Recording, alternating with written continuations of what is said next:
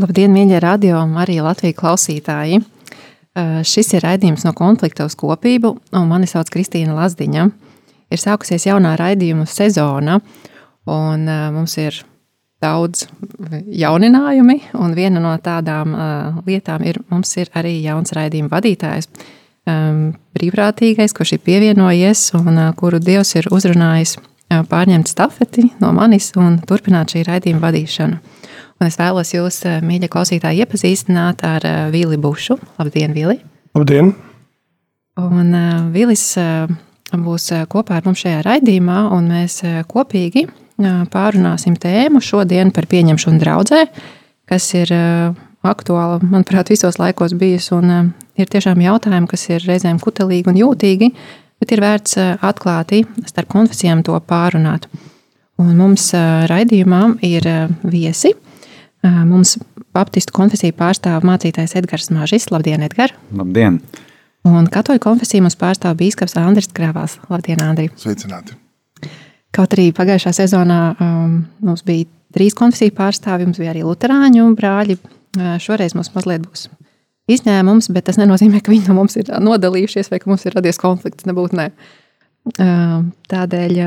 Jā, lai Dievs sveitī šo raidījumu, un arī tev, mīļais klausītāji, aizdomājoties par savu pieredzi un um, uzklausot, kā tas ir uh, citās konfesijās. Uh, mēs ar Vīli gatavoties šim raidījumam, uh, pārunājot tēmas, um, mūs uzrunāja uh, kāda raksturvieta, kas ir uh, no Jēkaba vēstules, uh, otrā nodaļa, no otrā līdz piektam pantam. Un es uh, lūkšu Vili uh, nolasīt Ja jūsu sinagogā ienāk kāds vīrs greznās drānās ar zelta gredzeniem pirkstos un ienāk arī nabaks noplīsušās drēbēs, un jūs uzlūkodami to, kas greznās drānās, tam sakāt, apsēdies, ērtis še, bet nagab, nabagam tu nostājies tur, vai sēdies pie mana kaisola.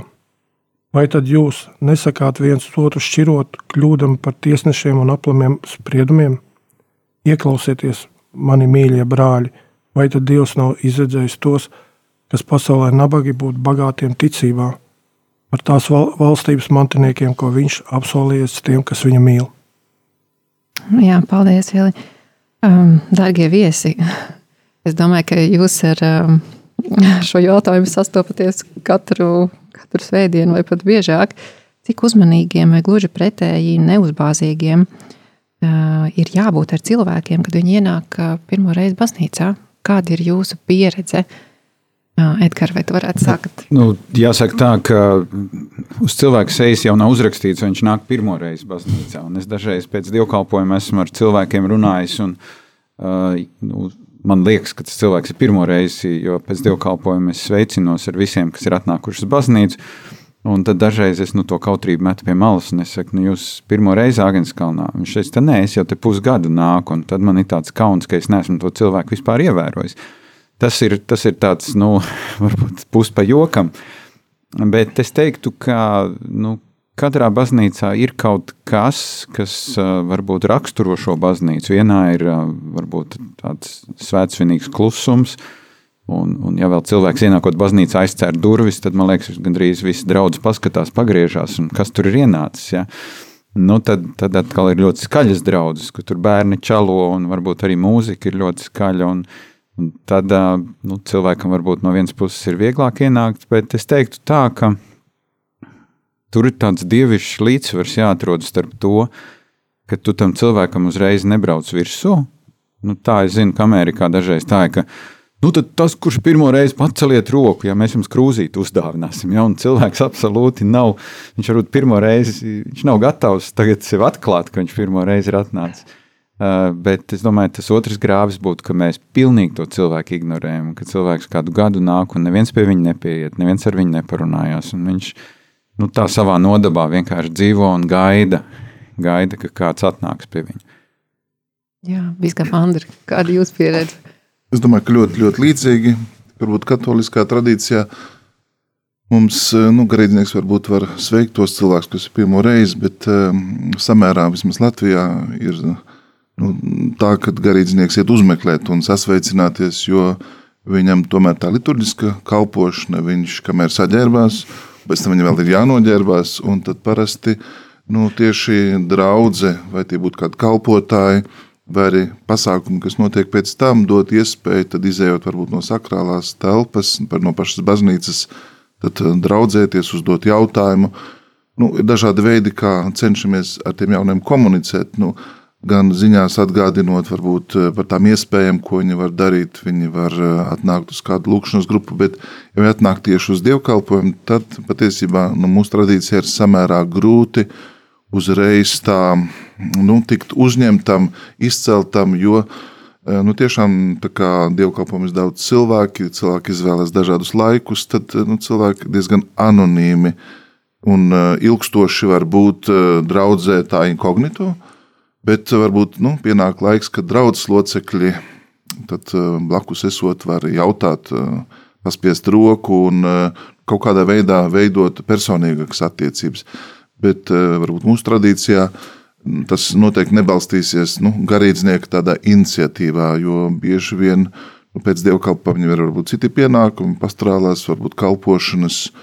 Un, nu, vienmēr es tā arī mazliet abrīnoju, piemēram, kad aiziet un paspiež katram roku, bet es domāju, nu, ja tā katru reizi spiestu, tas būtu veids, kā iztukšot ātri baznīcu, jo tad cilvēki gribētu nākt, paspiest roku, un nu, viņi ļoti bieži pēc tam arī saprot, ka no viņiem atvadās. Tad mūsu tradīcijā bieži vien cilvēki turpina būt baznīcā, viņi paliek uz varbūt citām aktivitātēm, viņi grib pabūt eh, dievnamā ilgāku laiku.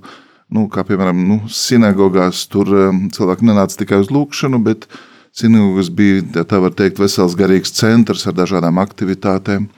Bet, eh, protams, es domāju, ka dažādi veidi, kā draudzes uzrunāt cilvēkus, kā viņus satiek, eh, ir ļoti vērtīgi. Mēs varam viens no otra pamācīties, jo nu, tā tiešām nav normāla situācija. Tur nav ko lepoties, ja cilvēks tur pusgadu iet un neviens par viņu nepainteresēs. Tad tieši tas, ko jūs, eh, Vili, lasījāt, nu, neviens nepievērš uzmanību, un e, kaut kas tajā draudzē īsti nav kārtībā. Jā. Bet ir tā, ka arī mūsu draudzē nu, nav jau tā, ka visi skrien ar mācītāju sveicināties. Kāda puse vēl paliek baznīcā, un tad es eju viņus meklēt baznīcā un sveicinu. Tā kā tur ir tāda veselīga miedarbība. Un, un, protams, nu, ir cilvēki, kas saka, nu, es gribētu pievienoties jūsu draudzē, es saku, nu, uzsit man Facebookā ziņu un, un, un sarakstāmies un satiekamies. Un tā. Bet, bet tas ir ļoti dažādi. Ir cilvēki, kuri negrib, lai viņiem pievērš uzmanību, kad viņi ir baznīcā, un ir cilvēki, kuriem tiešām grib. Nu, tur atkal ir tāds. Bet es gribētu piebilst arī tiem cilvēkiem, kuriem ienāk baznīcā, kā man bija pirms 26 gadiem, ka tieši to, kad draudzene ieraugot šo pirmo reizi to cilvēku, kad viņiem patiesi interesē tas cilvēks, ka viņš ir atnācis un iedrošināt to cilvēku būt. Un arī beigās, kā arī tas, ka Lutāņu mācītājs eh, aiziet un atsveicinās ar tiem cilvēkiem, kad eh, nu, man bija tā pieredze, kad eh, Krimaudas draudzē mācītājs Rāviņš, ja, ka viņš teica, ka es tevi gaidu nākamo svētdienu atkal. Un tas man bija tik ļoti mm. svarīgi. Vienkārši vārdi, bet tas uzrunāja man sirdi un aizgāja. Jā, es domāju, ka um, cilvēki baznīcā nu, pirmo reizi ienākot, uh, tie, um, tas viņu sirds stāvoklis ir ļoti dažāds. Uh, padaloties ar savu pieredzi, es varu teikt, ka um, man bija ļoti garš tāds tūkstošu periods, kad es tiešām baidījos baznīcā iet. Un um, kaut kādā mērā tas, ka man ienākot, neviens varbūt neskrēja virsū un man nevilka, man deva tādu attēlpu sajust, um, ka es drīkstu tur būt. Bet tas, kad Jo man pirmā pieredze tiešām bija ar, ar mācītāju Edgars. Tas, kad arī man slēpjoties balkonā, bet uh, mācītājiem Edgaram um, dievkalpojuma beigās uh, atvadoties un kaut tie vārdi, es tev pamanīju. Es nobijos, protams, ka man tagad iz, izsauks, es pārunāju un izraidīs. Bet tāpat laikā tas ir tāds, um, nu, ka Dievs ar to lieto tādu rokas pastiepienu. Un es domāju, ka nav pareizas vai nepareizas rīcības. Um, ka vienkārši katrs, katram cilvēkam Dievs to, dod to iespēju, kā viņu uzrunāt, vai tas ir ātrāk vai vēlāk, bet viņš jūtās nu, vajadzīgs un atvērts un pieņemts. Man bija ļoti interesanta pieredze Kārsavā, pareizticīgo baznīcā. Pirms dažiem gadiem mēs ar diviem dēliem tur iegājām, un, protams, dievkalpojums jau sen bija vidū. Jau, tur, un, un mēs jau kā kārtīgi protestanti nekādas sveces nepirkām. Un tā viena sieviete redzēja, ka nu, mēs to nedarām. Viņa aizgāja pie tās vietas, kur tās svecītes jau dega, un bija kādas nu, palikušas mazliet vēl. Nu, kādas, tā viņa tās nopūta, viņa atnesa, iedeva maniem dēliem, un, un viņa teica, lai aiziet un aizdedzina. Un tas bija tik aizkustinoši. Nu, tā, ne viņi, viņi katru pirkstu, oh, jūs bezdevīgie vecāki nenopirkāt svecītes. Bet vienkārši viņi saprata, cik svarīgi ir tiem bērniem iedot, lai viņi aiziet un, un arī aizdedzina. Un, un tas bija kaut kas tāds ļoti aizkustinošs. Tā ir laba, laba lieta, kam tu pieskāries. Jo, manuprāt, um, tad, kad cilvēki uzdrošinās um, aiziet ciemos pie kāda citas konfesijas, un um, mēs jau nepārzinām tās tradīcijas, un reizēm mēs varbūt muļķīgi uzvedamies dēļ tā, ka mums tiešām nav izpratnes un zināšanas. Bet tas, ja šīs konfesijas pārstāvs kāds, līdzīgi kā tu teici, vai nu, iedod šo svecīti, vai arī tā kā tev parāda, tā kā pastiepi roku, ka tu drīksti būt līdzās, um, tas jau ir tā, tā mīlestība starp brāļiem un māsām. Nevis tiešām uzreiz tā, tagad tu neesi pareizs. Vai arī tu nepareizā vietā apsēdies? Šī ir mana vieta, es te 20 gadus jau sēžu. Manuprāt, eh, nu, tiešām nav pareizi un nepareizi, bet visiem vajag pieaugt eh, viesmīlībā. Un mm -hmm. īpaši vēsturē ebrejiem uzsver viesmīlības principus.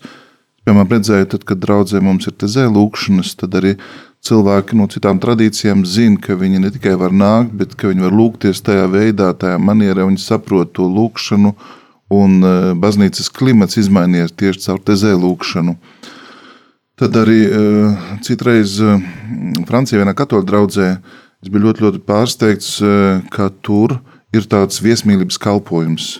Un kā tas izpaužās, tad ir kā desmit cilvēki, vīrieši, sievietes ar jaunieši, kas uzģērb albas, Tad viņi sevi apzīmē kā tādi, kas nu, sagaida pie durvīm.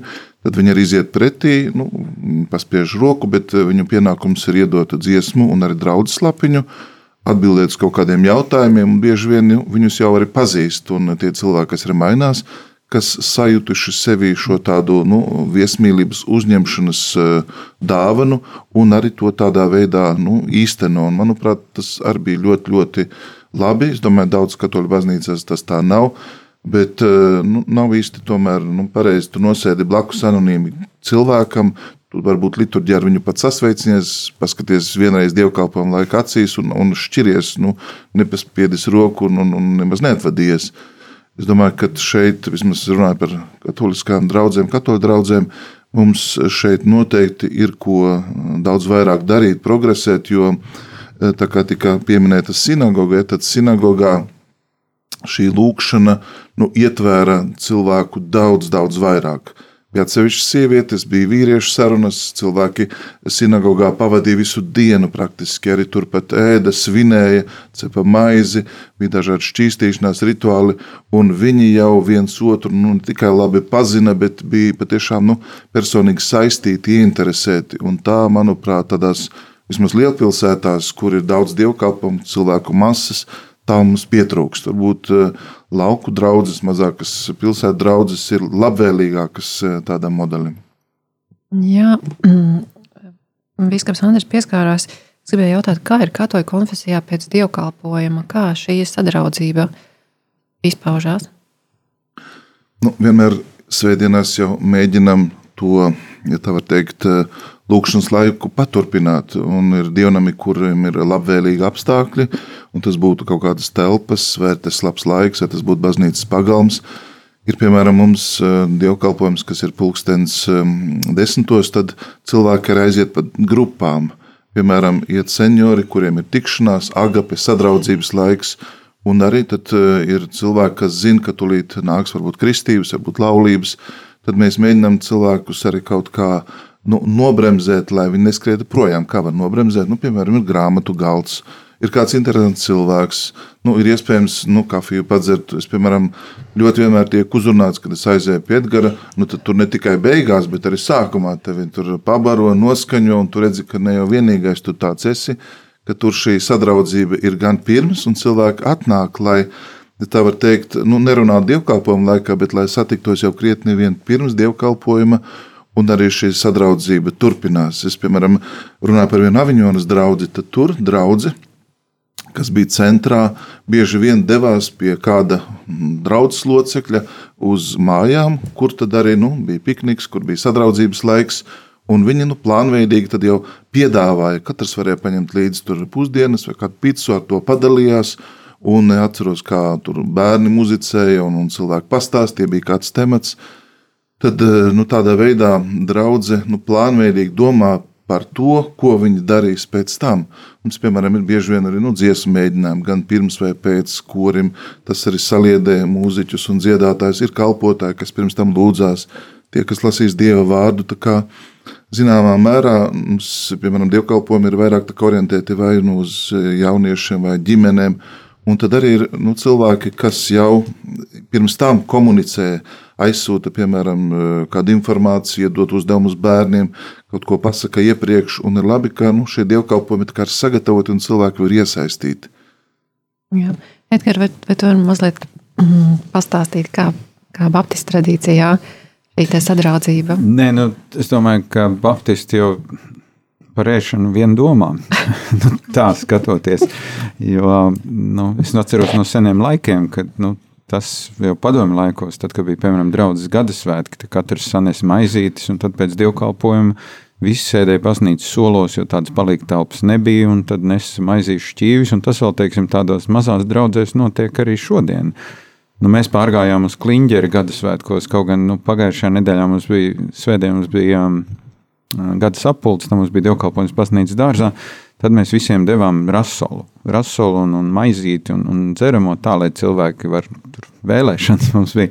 Bet tā, svētdienās, kad varēja, mums pēc katra dievkalpojuma, mums gan ir viens dievkalpojums, tikai svētdienās mums ir kafejnīca, kurā nu, var siltu ēdienu pāriest cilvēku par ļoti tādām nu, mazām naudiņām. Un, Un tad daudziem cilvēkiem, tad viņiem svētdien vispār nemaz nav jātaisa ēst. Viņi tad pāriet baznīcā un tad iet mājās. Un, Nu, tie sadraudzības modeļi jau ir dažādi. Man šķiet, ka ir, ir svarīgi tajā ziņā, kā Andris teica, nu, praktizēt viesmīlību. Ja, jo ļoti dažādi cilvēki ienāk, ienāk tādi arī, kas nezinu, gadiem staigājuši apkārt baznīcai un nekad nav ienākuši. Un, un tad viņi uzdrošinās ienākt. Un man šķiet, jā, dažreiz viens rokas spiediens. Es atceros, viena no manām draudzes locekļiem reiz teica, viņa tāda sabiedrībā pazīstama, viņa teica, es atnācu uz baznīcu un nekas man neuzrunāja. Likās, nu, tukšs laiks, tur mūzika nepatika un mācītājs tā nerunāja.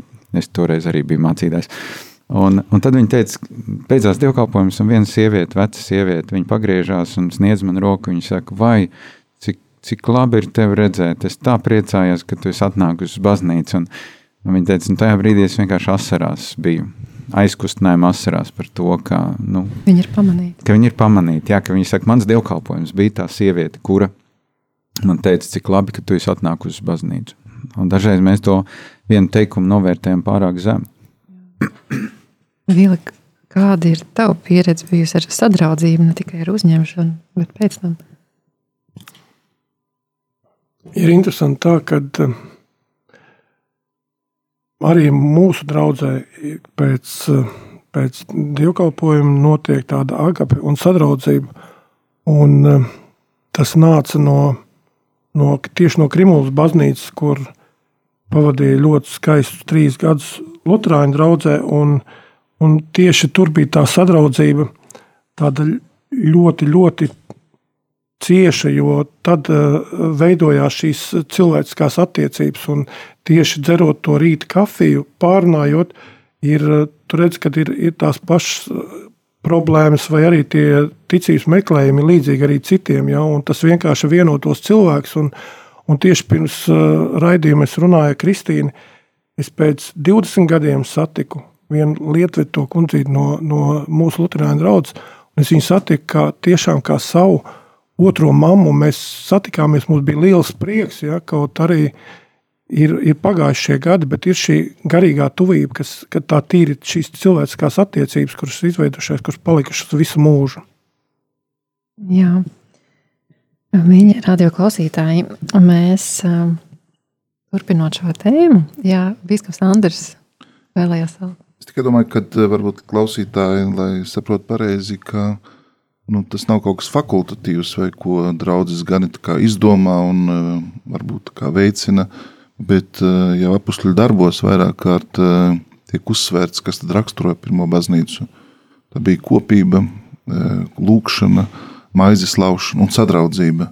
Tātad šie visi modeļi, manuprāt, ir ļoti bibliski un viņus vajadzētu nu, pārdomāt draudzē, kādā veidā mēs varam veicināt, piemēram, viesmīlības kalpojumu. Tieši pirms gada, piemēram, brālis Aloizijas Tezē kopienai rakstīja vēstuli un pārdomāja Tezē kontekstā un arī uzdeva draudzēm šo jautājumu, nu, kur izpaužas jūsu kā viesmīlība pret ienācēju, varbūt pret tādu, kas nevar atnākt uz dievnam, varbūt kas dzīvo draudzes teritorijā. Un, manuprāt, tā būtu ļoti, ļoti nu, būtiska, svarīga tēma. Jo, ja man nerūp viesmīlība, tad īstenībā nu, es esmu vienaldzīgs arī par to, kas atnāk, un varbūt man pilnīgi vienalga, ka viņi arī nenāk.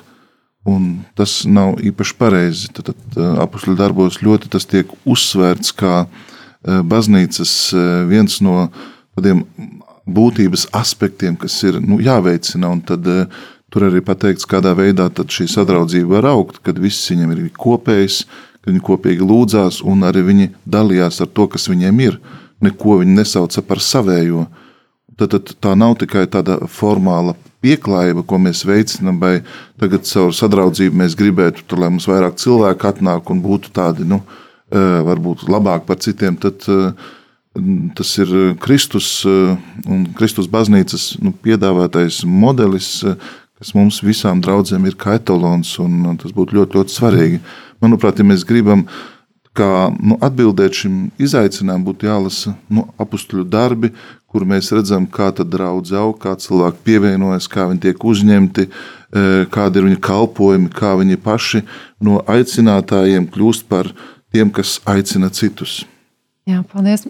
Es tieši par to arī vēlējos uh, lūgt uh, aizdomāties radioklausītājiem, katram pašam par sevi, kad tas nav tikai garīdznieku pienākums, ja tā var teikt, pienākums, bet paties, patiesībā ikviena draudzes locekļa, kā Kristus miesas, sastāvdaļas pienākums pārvērtēt, kāda ir šī mana attieksme, kā, cik es esmu atvērts un kā es uzņemu kādu jaunu cilvēku, kurš pievienojas.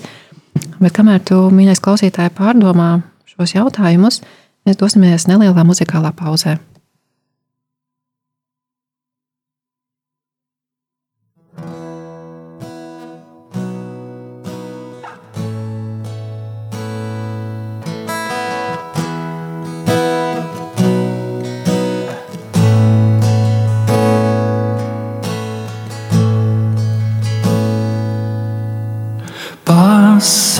Pasaules gaišums tu ienāci tumsā un acis to atvēri man.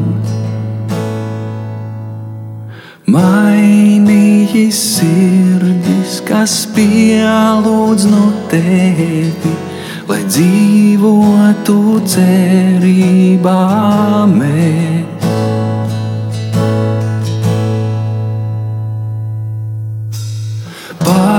Pasaules gaišums tu ienāci tumsā un acis tu atvēri man. Mainīji sirdis, kas bija lūdz no tevi, lai dzīvotu cerībā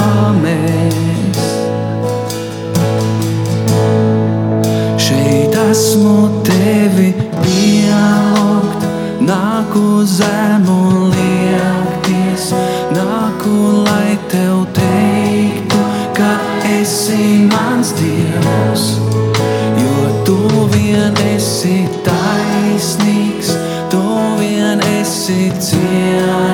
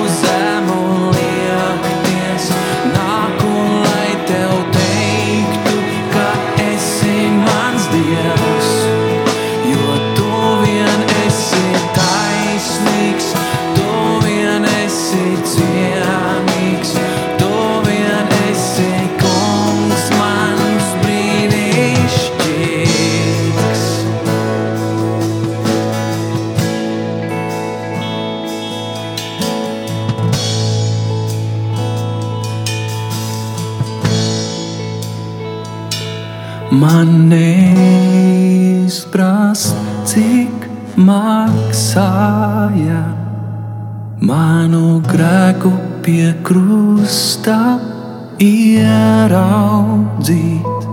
Man neizprast, cik maksāja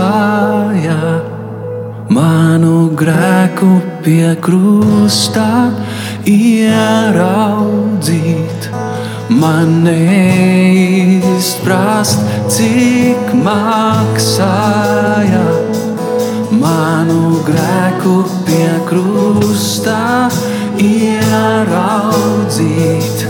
Man neizprast, cik maksāja manu grēku pie krusta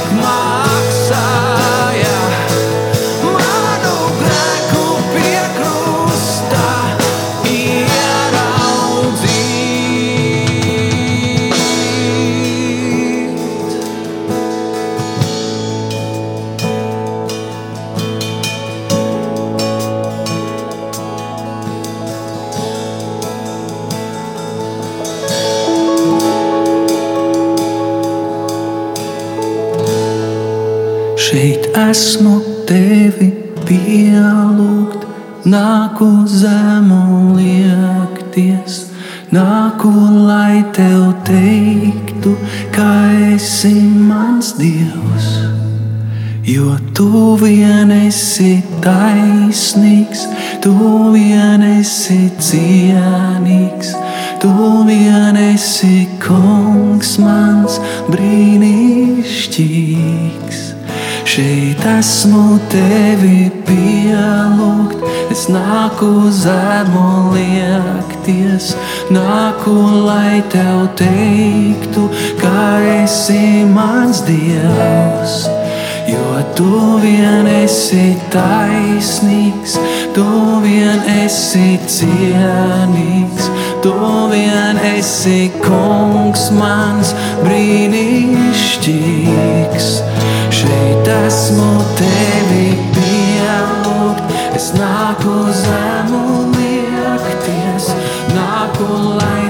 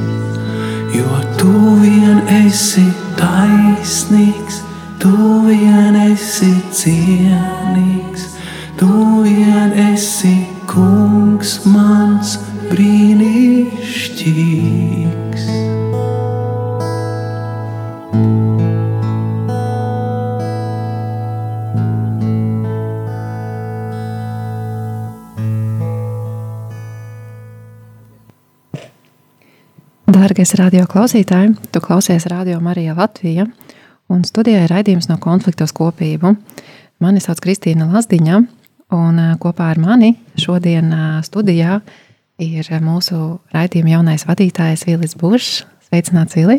Sveiki! Un mums ir ā, viesi. Mums ir pārstāvs no Baptistu konfesijas mācītājs Edgars Māžis. Labdien, Edgars! Labdien!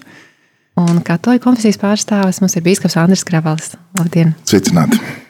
Mēs raidījuma pirmā daļā runājām par tēmu pieņemšanu draudzē, un mēs šo tēmu turpināsim. Pirmajā daļā mēs runājām un aizdomājāmies vairāk par to, kāda ir mūsu attieksme un kādai tai vajadzētu būt, uzņemot jaunus cilvēkus baznīcā. Un mēs dzirdējām arī um, savu pieredzi, padalījās arī Vīlis, kā viņš to ir piedzīvojis. Savukārt, ā, turpinot šo tēmu tālāk, mums ir citi jautājumi, kas ir aktuāli. Mums interesē šis jautājums, kāda ir jūsu personīgā pieredze, kad jūs pirmo reizi ienācāt baznīcā?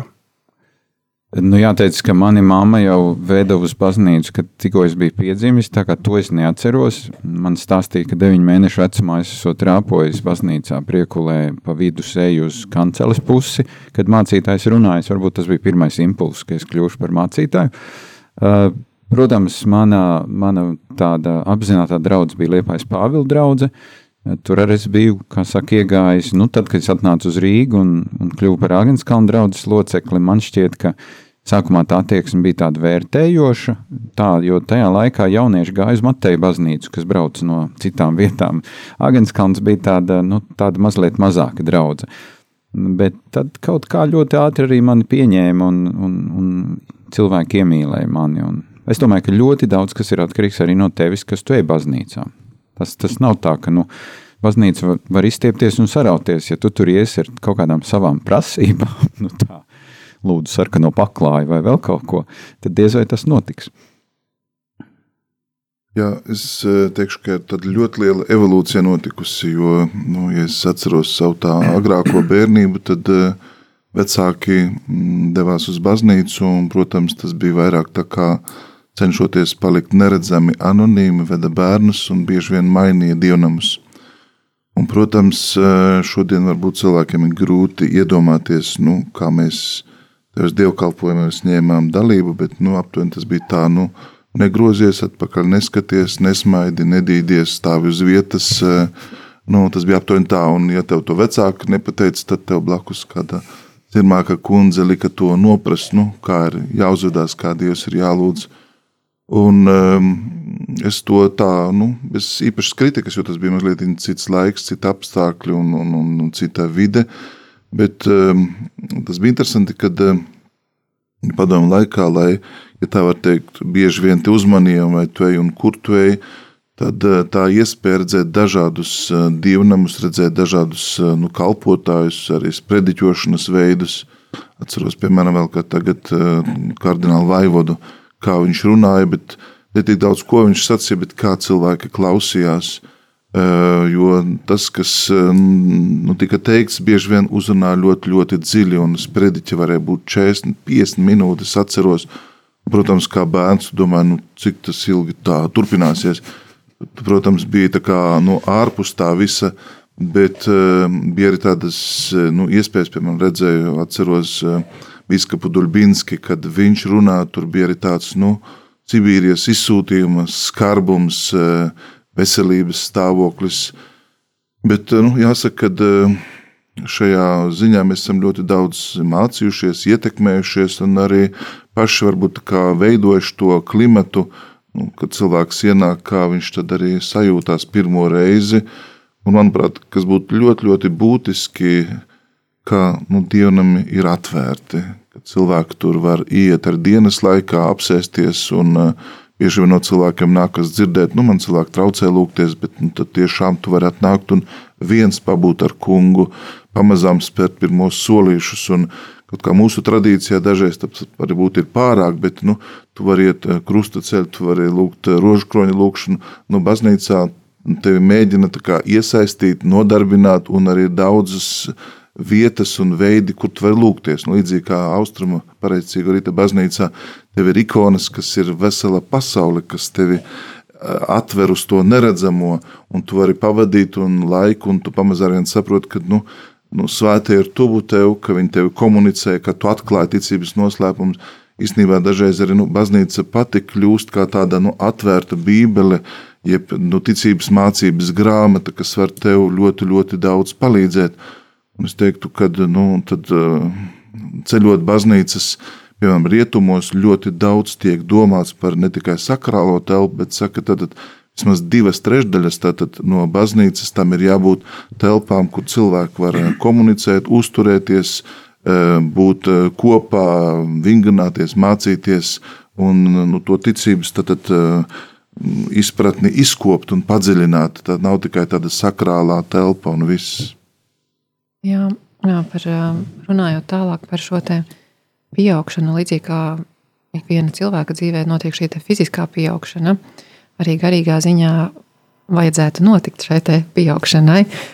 Un, uh, es vēlētos uh, nolasīt uh, Pāvila pirmo vēstuli korintiešiem, trešo nodaļu, otro līdz trešo pāntu. Es jūs dzirdēju ar pienu un citu barību nedevu, tādēļ, ka jūs to nespējat uzņemt un arī tagad nespējat, jo jūs vēl esat miesīgi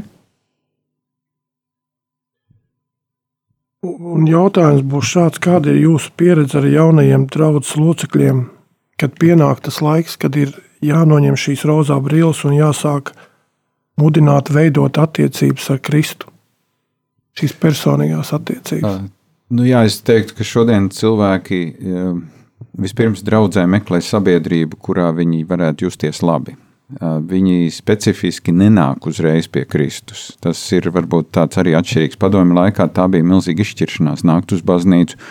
Nu, tad cilvēks nāca tiešām, tiešām meklēt Dievu. Šobrīd tas pirmais posms ir cilvēks meklē sabiedrību, kas būtu citādāka, kā viņš ikdienā pavada. Nu, tad nākošais solis, kas mūsu draudzē ir, un arī, arī daudzās katoļu draudzēs, tas ir alfa kurs, kur cilvēki apgūst kristietības pamatus. Būtībā trīs mēnešu kurs, uh, cilvēki nāk bez jebkādām priekšzināšanām. Un jāsaka, ka Alfa kursa laikā arī daudz piedzīvo šo ticības sastapšanos ar Kristu. Uh, un tad, protams, katrai draudzē ir savi teiksim, nu, semināri, kas vēl sagatavo cilvēku, lai viņš tiktu kristīts. Uh, nu, nu, tāda ir tā kārtība, jā, ka, kā cilvēks ienāk vismaz Baptistu baznīcā. Nu, es teiktu tā, ka tāpat kā Pāvils rakstīja korintiešiem, ka viņi vienkārši neauga. Viņi to garīgo pienu tur pumpē iekšā, ja tur ir zīdainīši. Ja. Nu, tāpat, diemžēl, arī draudzē ir cilvēki, kur aug un ir cilvēki, kur neaug. Ja, un tad varbūt dažreiz tas jaunais kristietis, kas ienāk, kas top par kristieti, viņš tad redz ne tik daudz to augošo, bet viņš saka, bet pagaidi, nu, kaut kā neiet kopā. Jā, nu, tur, tur tāds viens aprunātājs izrādās. Ir, jā, tur vai viens ir tāds nemitīgi dusmīgais baznīcā. Jā. Uh, nu, neviena draudzene nav pasargāta. Es zinu, ka ir cilvēki, kur nāk Agenskalnā. Viņi saka, mums ļoti patīk tā atmosfēra. Šeit ir draudzīgi cilvēki, un šeit var dzirdēt Dievu vārdu. Un tad es viņus tā mierinu. Es saku, nu, zini, tu vēl neesi virtuvi redzējis. Katrai baznīcai ir sava virtuve, tā otra puse. Jā. Es saku, es nevaru garantēt, ka vienmēr cilvēki būs draudzīgi. Tā nav mana atbildība. Bet arī tad, ja kāds būs nelaipns, atceries, ka tu esi nācis nevis cilvēku dēļ, bet ka tu esi nācis meklēt Kristu. Jā, man eh, arī šķiet, ka piemēram Alfas modelis ir ļoti labs, jo tas skar ne tikai atnācējus, kas varbūt grib uzzināt, vai vienkārši aiz intereses nāk, vai draudzības vārdā nāk, Eh, šis modelis palīdz arī draudzes locekļiem mācīties, atvērties un vairāk veidot tādu mācekļu stāju. Un labi ir tas, ka tur neviens kā, nu, tevi nemāca ar pirkstu nebaksta, bet uh, katrs tiek uzņemts, uzklausīts. Katram ir uh, veids, kā viņš tad, tad, nu, šo ticības saturu arī nu, uztver un pieaug un liecina. Bet, manuprāt, arī ļoti būtiski vēl ir, draudzē ir nu, tāda teikt, formācija. Uh, Jo arī draudzes locekļiem ik pa brīdi ir jāatgādina, ka cilvēks nav vienā stāvoklī. Nu, viņš varbūt gatavojas laulībai, viņš e, aiziet pensijā, viņam ir varbūt vairāk vai mazāk laika, viņš mainīs dzīves vietu, viņš mainīs darbu. Un tāpēc arī nu, nemitīgi ir nu, jāatjaunojās. To arī mudina apustulis Pāvils Timotejam, pat tiem cilvēkiem, kas jau ir saņēmuši ordinētu kalpojumu. Viņi saka, ir jāatjaunojas, ir nu, jāpārdomā, un draudzeri varbūt ir nu, jāuzdod jautājumi, vai viņa ir pietiekoši nu, atvērta, viesmīlīga, dzīva, vai nu, šie procesi, kas ir draudzē, nu, palīdz eh, draudzē nest Kristus vēsti. Un tieši tāpēc ik eh, pa brīdi ir kāds rekolekcijas, ir dažādi liturģiskie laiki, ir arī, piemēram, nu, gavēņa laiks, adventa laiks, kad arī mēs vairāk eh, nu, apklustam un, un iekšēji gatavojamies tiem pestīšanas noslēpumiem, kurus svinam. Bet um, ir ļoti, ļoti būtiski, kad ir tāda nu, veselīga sadarbība, kad cilvēks uh, nepaliek uh, nu, tādā individuālismā vai, vai izolējies, kā gribēja vēlu, ka viņam ir dažādas iespējas, un tad jau pamazām Dievs pats atrod veidu, kur viņu aiznest, kā viņam palīdzēt bet tas noteikti ir liels priekšnoteikums ticības izaugsmē. Tieši līdzcilvēki, šī mācekļa stāja, e, kurā mums visiem ir jāaug gan kā garīdzniekiem, gan kā vienkāršiem ticīgiem cilvēkiem, lajiem. Un tas ir kopējs uzdevums. Mūsu baznīcā to sauc par tādu pastorālo atgriešanos, jo uh, Pāvests Francisks atgādina, ka ja agrāk cilvēki nāca uz baznīcu un tad tur pulcējās, un garīdzniekam pietika, ka viņš tur sprediķo māca un, un rāda piemēru, tad tagad ir pienākuši laiki, kad baznīca ir jāiet pie cilvēkiem, jāsatiek cilvēki tur, kur viņi ir, un vairs šī nav kristīga, evanģelizēta sabiedrība, ka mums pašiem ir jāsaprot, kādā veidā mēs labāk varam sasniegt cilvēku šodien. Un tāpēc alfas jau nav tikai mūsu draudzē, alfas ir gan cietumos, gan eh, senioriem, gan pansionātos, gan eh, dažādas citādas ticības, eh, kā ne tikai izaugsmes, iepazīšanas formulas tiek piedāvātas. Mūsu draudzē ir apmēram 25 mazās grupas, kur cilvēki nu, vismaz reizi divās nedēļās nāk kopā un studē Dievu vārdu. Uh, ir dažādi materiāli, un, un ir arī viens cilvēks, kas strādā ar mazo grupu vadītājiem, tiekās ar viņiem. Un, un, un, un ja, ir, ja kāds cilvēks vēlas šai grupai, mazajai grupai pievienoties, tad mēs meklējam iespēju, lai viņš varētu arī tikt šajā mazajā grupā. Un tas arī ir kaut kas ļoti līdzīgs, ko Andris sacīja nu pat tās.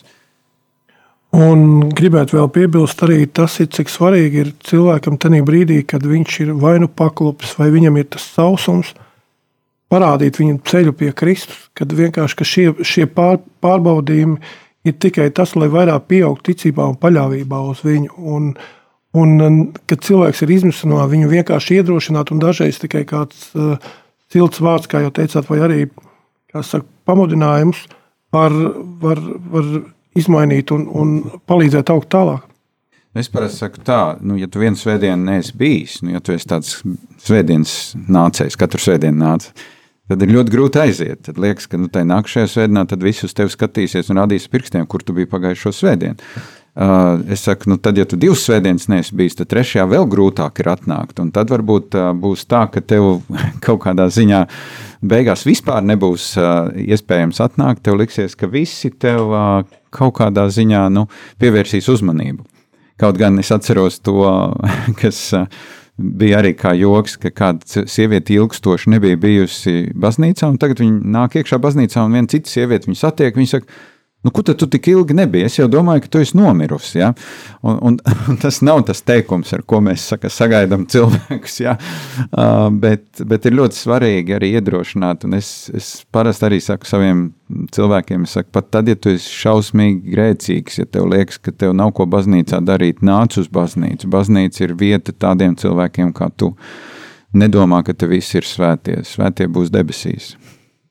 Jā, man liekas, tā ir tāda, tas atziņas stāvoklis vēl ir jāiegūst cilvēkam par to savu atbildību Dievu priekšā, nu, pieaugt. Un, uh, Droši vien cilvēkiem bieži asociējās tas ar skolas laiku. Nezinu, es atceros, pirmā klasītē, vismaz manā laikā bija tā, ka bija jālasa, cik, cik vārdus minūtē var izlasīt. Man jāatzīstās, es biju pēdējā, jā, man to ļoti kaunināja. Un tas kaut kādā mērā atstāja nu, tādu nospiedumu, un arī tādā garīgā izaugsmē, nu, ja tu esi lēnāks nekā cits, tu jūties tāds tā kā nu, liekais. Bet um, atverot šo man savu atbildību Dievu priekšā, kaut kā gliemeža ātrumā mēs ejam, bet mēs ejam uz priekšu. Turpinot tālāk uh, šo tēmu, un uh, mācītājs Edgars jau minēja par to, ka ir mainījusies mazliet tā tendence, kādai cilvēki nāk baznīcā, ka šobrīd tā ir tā tāda sabiedrības meklēšana, cik daudz baznīcai būtu jāpielāgojas tam nu, mūsdienu cilvēkam. Jā, tad ir nu, saturs, kas baznīcai ir uzticēts, ko baznīca, ja tā var teikt, pati nav definējusi. Ir, protams, arī draugu tradīcijas, un tradīcija ar lielo burtu. Ir arī liturģija, kurai mēs sekojam, un e, mēs, svinot ticības noslēpumu, arī, protams, cenšamies, lai nu, tas būtu Dieva vārda caurstrāvots, lai tur būtu gan tuvāk mīlestība, un e, tās formas var būt ļoti daudzas un dažādas un paldies Dievam, ka viņas ir.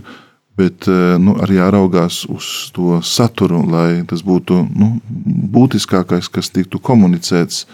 Draudzes tomēr nav tikai tādi nu, interešu klubiņi vai sadraudzības laiks. Un, kā man kāds sacīja, nu, kad draudzes sadraudzību var mērīt pēc izdzertām kafijas tasītēm, es domāju, tas būtu mazliet par maz, ja tie būtu tikai tādi vienīgie kritēriji Manuprāt, arī e, ļoti svarīgi šodienas draudzēji ir virzīties uz e, evanģelizāciju, uz e, misiju. Un tas bieži vien parāda, vai draudzē ir briedums, ir atbildība. Es biju kādā Baptistu draudzē Amerikas Savienotās valstīs, un viņi saka, ka pusi no budžeta, kas mums ir, mēs dodam misionāriem.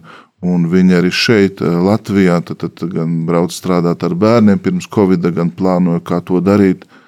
Es domāju, ka tas ir ļoti tāds eh, nu, svētīgs rādītājs, uz ko mums būtu jātiecās, eh, kādi ir mūsu plāni. Un, piemēram, uzlūkot Rīgas pilsētu, domāju, tik daudz vēl jauniem rajoniem nav baznīcas, vai mēs darām visu, lai viņi tur parādītos, vai cilvēkiem būtu pulcēšanās vieta, vai mēs arī tādā Nu, varbūt sāksim ar to, ka ģimenē, radu draugu pulkā arī nu, apliecinam to, ka mēs ejam uz baznīcu, ka tas mums ir svarīgi, ka tā ir mūsu identitātes un sūtības vieta.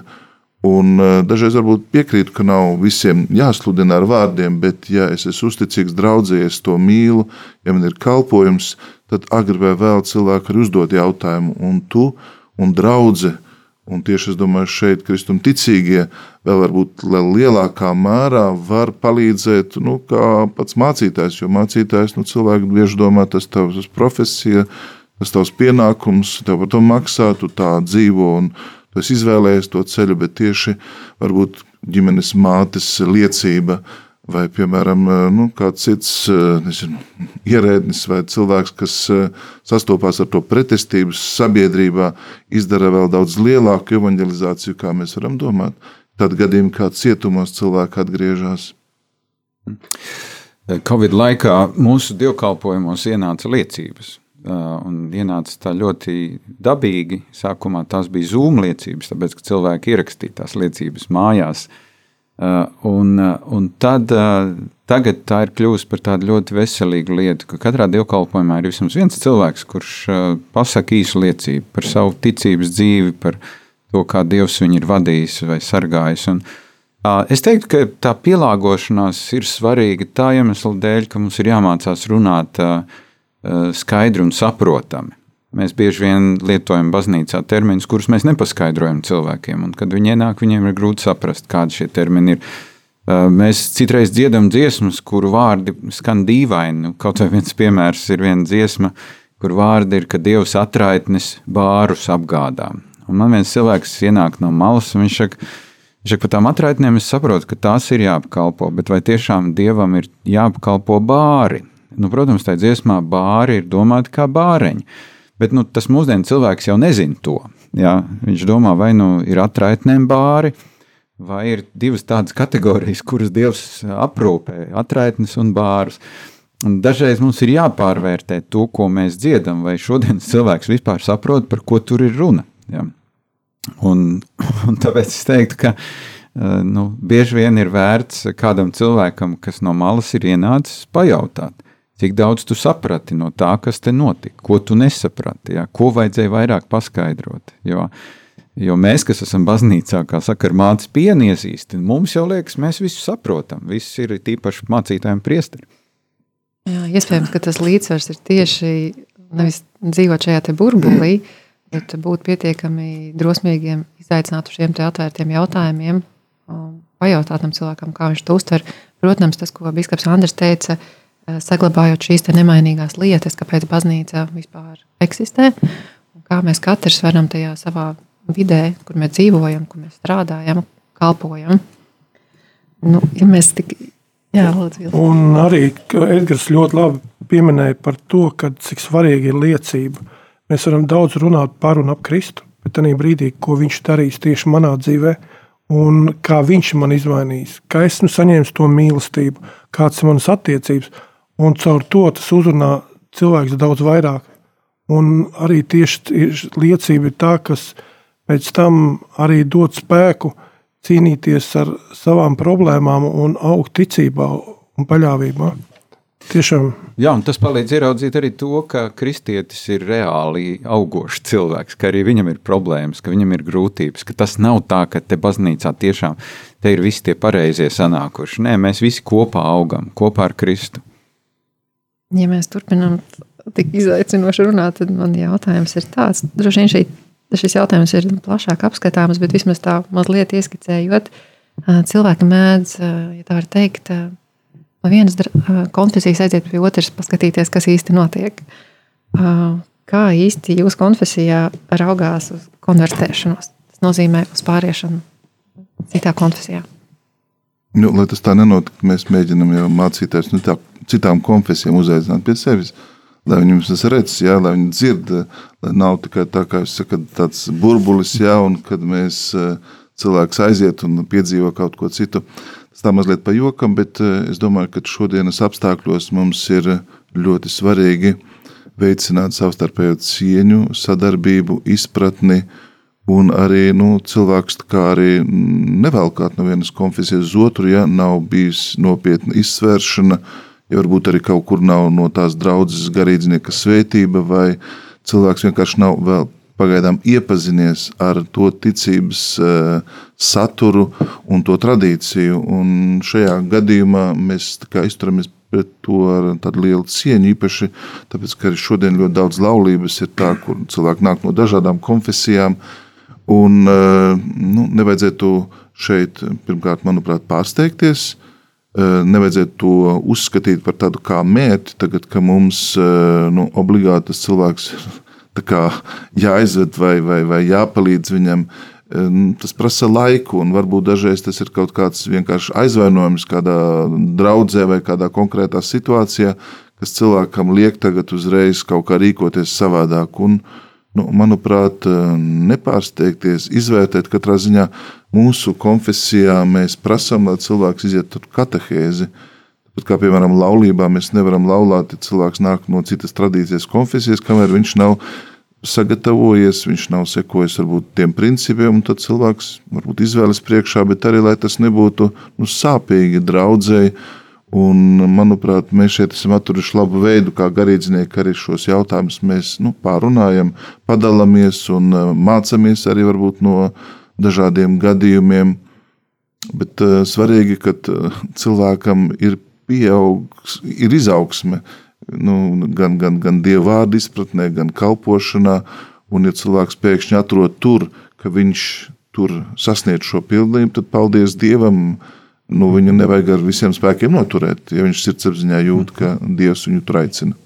Man liekas, ka ir divu grupu cilvēki, domājot par šo pārēju uz citu konfesiju. Nu, viena ir tāda, es teiktu, ceļotāji, kuri savas dzīves laikā tā arī neatrod savu draugu. Viņi tur maina ik pa trīs mēnešiem. Ja viņiem tur tikko kaut kas nepatīk, tā iet uz citu draugu. Ja. Tie ir tādi, es teiktu, staigātāji. Ja. Bet tad ir otra grupa cilvēku, kuri kaut kādā veidā sajūt dieva aicinājumu, ka Dievs viņus aicina, aicina uz citu konfesiju. Ja, un, un, un tas ir ļoti izsvērts lēmums. Pat cilvēki lūdz Dievu, cilvēki pat gaida arī kādu zīmi no Dieva. Ja, jo, jo, jo, protams, nu, ir cilvēki, kuri aiziet no Agenskalna uz citām konfesijām. Uh, tad es nu, cilvēcīgi domāju, vai es kaut ko daru nepareizi, vai mūsu draugs kaut ko dara nepareizi. Bet tad ir cilvēki, kuriem arī no citām konfesijām grib pievienoties mūsu draugai. Uh, un es, es cenšos arī saprast, kas ir tur apakšā. Vai tas ir kāds tiešām tāds garīga izvēle to darīt, jā, vai vienkārši man nepatika, es atvainojos, Bīskaps Andris, tāpēc es nāku pie manis tā maža. Jā. Tas, tad es zinu, ka pēc pāris mēnešiem maržas arī nepatiks. Un tad ies meklēt, nezinu, paiču vai kaut ko citu. Ja? Nu, tad, tad es esmu ļoti uzmanīgs. Ja? Jo, un, un vēl uzmanīgāks es esmu tad, ja cilvēks ir aizgājis no iepriekšējās draudzes ar tādu nu, sarūktinājumu, ar tādu, nu, ka kaut kādas lietas nav izrunātas. Jā, šis, es tā iedomājos tieši par to, ko mācītājs Edgars minēja. Šis raidījums arī nav tāds tā vēlēšana balstošana jā, starp konfesijām, kur ir labāka vai, vai sliktāka. Patiesībā tas mērķis ir tieši parādīt, ka neatkarīgi kurā konfesijā klausītājs ir šobrīd, kad arī citas, ka mēs kalpojam ar vienu mērķi, mēs virzamies uz vienu mērķi. Vēl gribētu piebilst, ka svarīgākais jau ir tas, ka mums visiem ir viens plāns un vēlme nokļūt debesīs. Un, Tas ir katram cilvēkam ir tas, kur viņš, ja viņš atrod to draugu kā ģimeni, kur viņš labi jūtas, tad viņš ir tajā pareizajā vietā. Un, ja viņš meklē, tad viņš meklē, kamēr viņš atradīs, kur būt. Un, ja tu esi, tad tu pieņem un sāc dzīvot tajā ģimenē, ja, jo ģimenes neizvēlās. Ja, viņi ir vienkārši tas ir. Ir šī kopība gan aug kopā pašam, gan arī kopā ar draugu, kur tu esi. Jā, mīļie radio klausītāji, mums strauji tuvojas raidījuma nobeigums. Un es vēlos personīgi pateikties par šo kopīgo periodu laiku, kad varējām būt kopā. Un atgādinu, ka turpmāk raidījumā jūs dzirdēsiet vadītāju Vīli Bušu. Un paldies jums, mīļie radio raidījuma viesi, mācītājiem Edgaram un Biskupam Andrim. Un turpmāk arī gaidīsim Lutāņu pārstāvjus. Un, jā, mīļais klausītāji, um, lieku arī Dievu priekšā ikvienu no tevis um, aizdomāties par, um, par savu sirdi, par savu attieksmi, uh, ne tikai pret citu konfesiju, brāļiem un māsām, bet par to, kā, kā tu uzņem un cik tu esi atvērts, um, sastopot jaunus cilvēkus savā baznīcā. Un, um, esam pateicīgi tiešām no sirds par, um, par šo lielo dieva žēlastību, ka viņš mums tiešām katru dienu ļauj celties un iet no jauna un tuvoties viņam. Lai Dievs mūs izsvētī. Paldies jums! Paldies!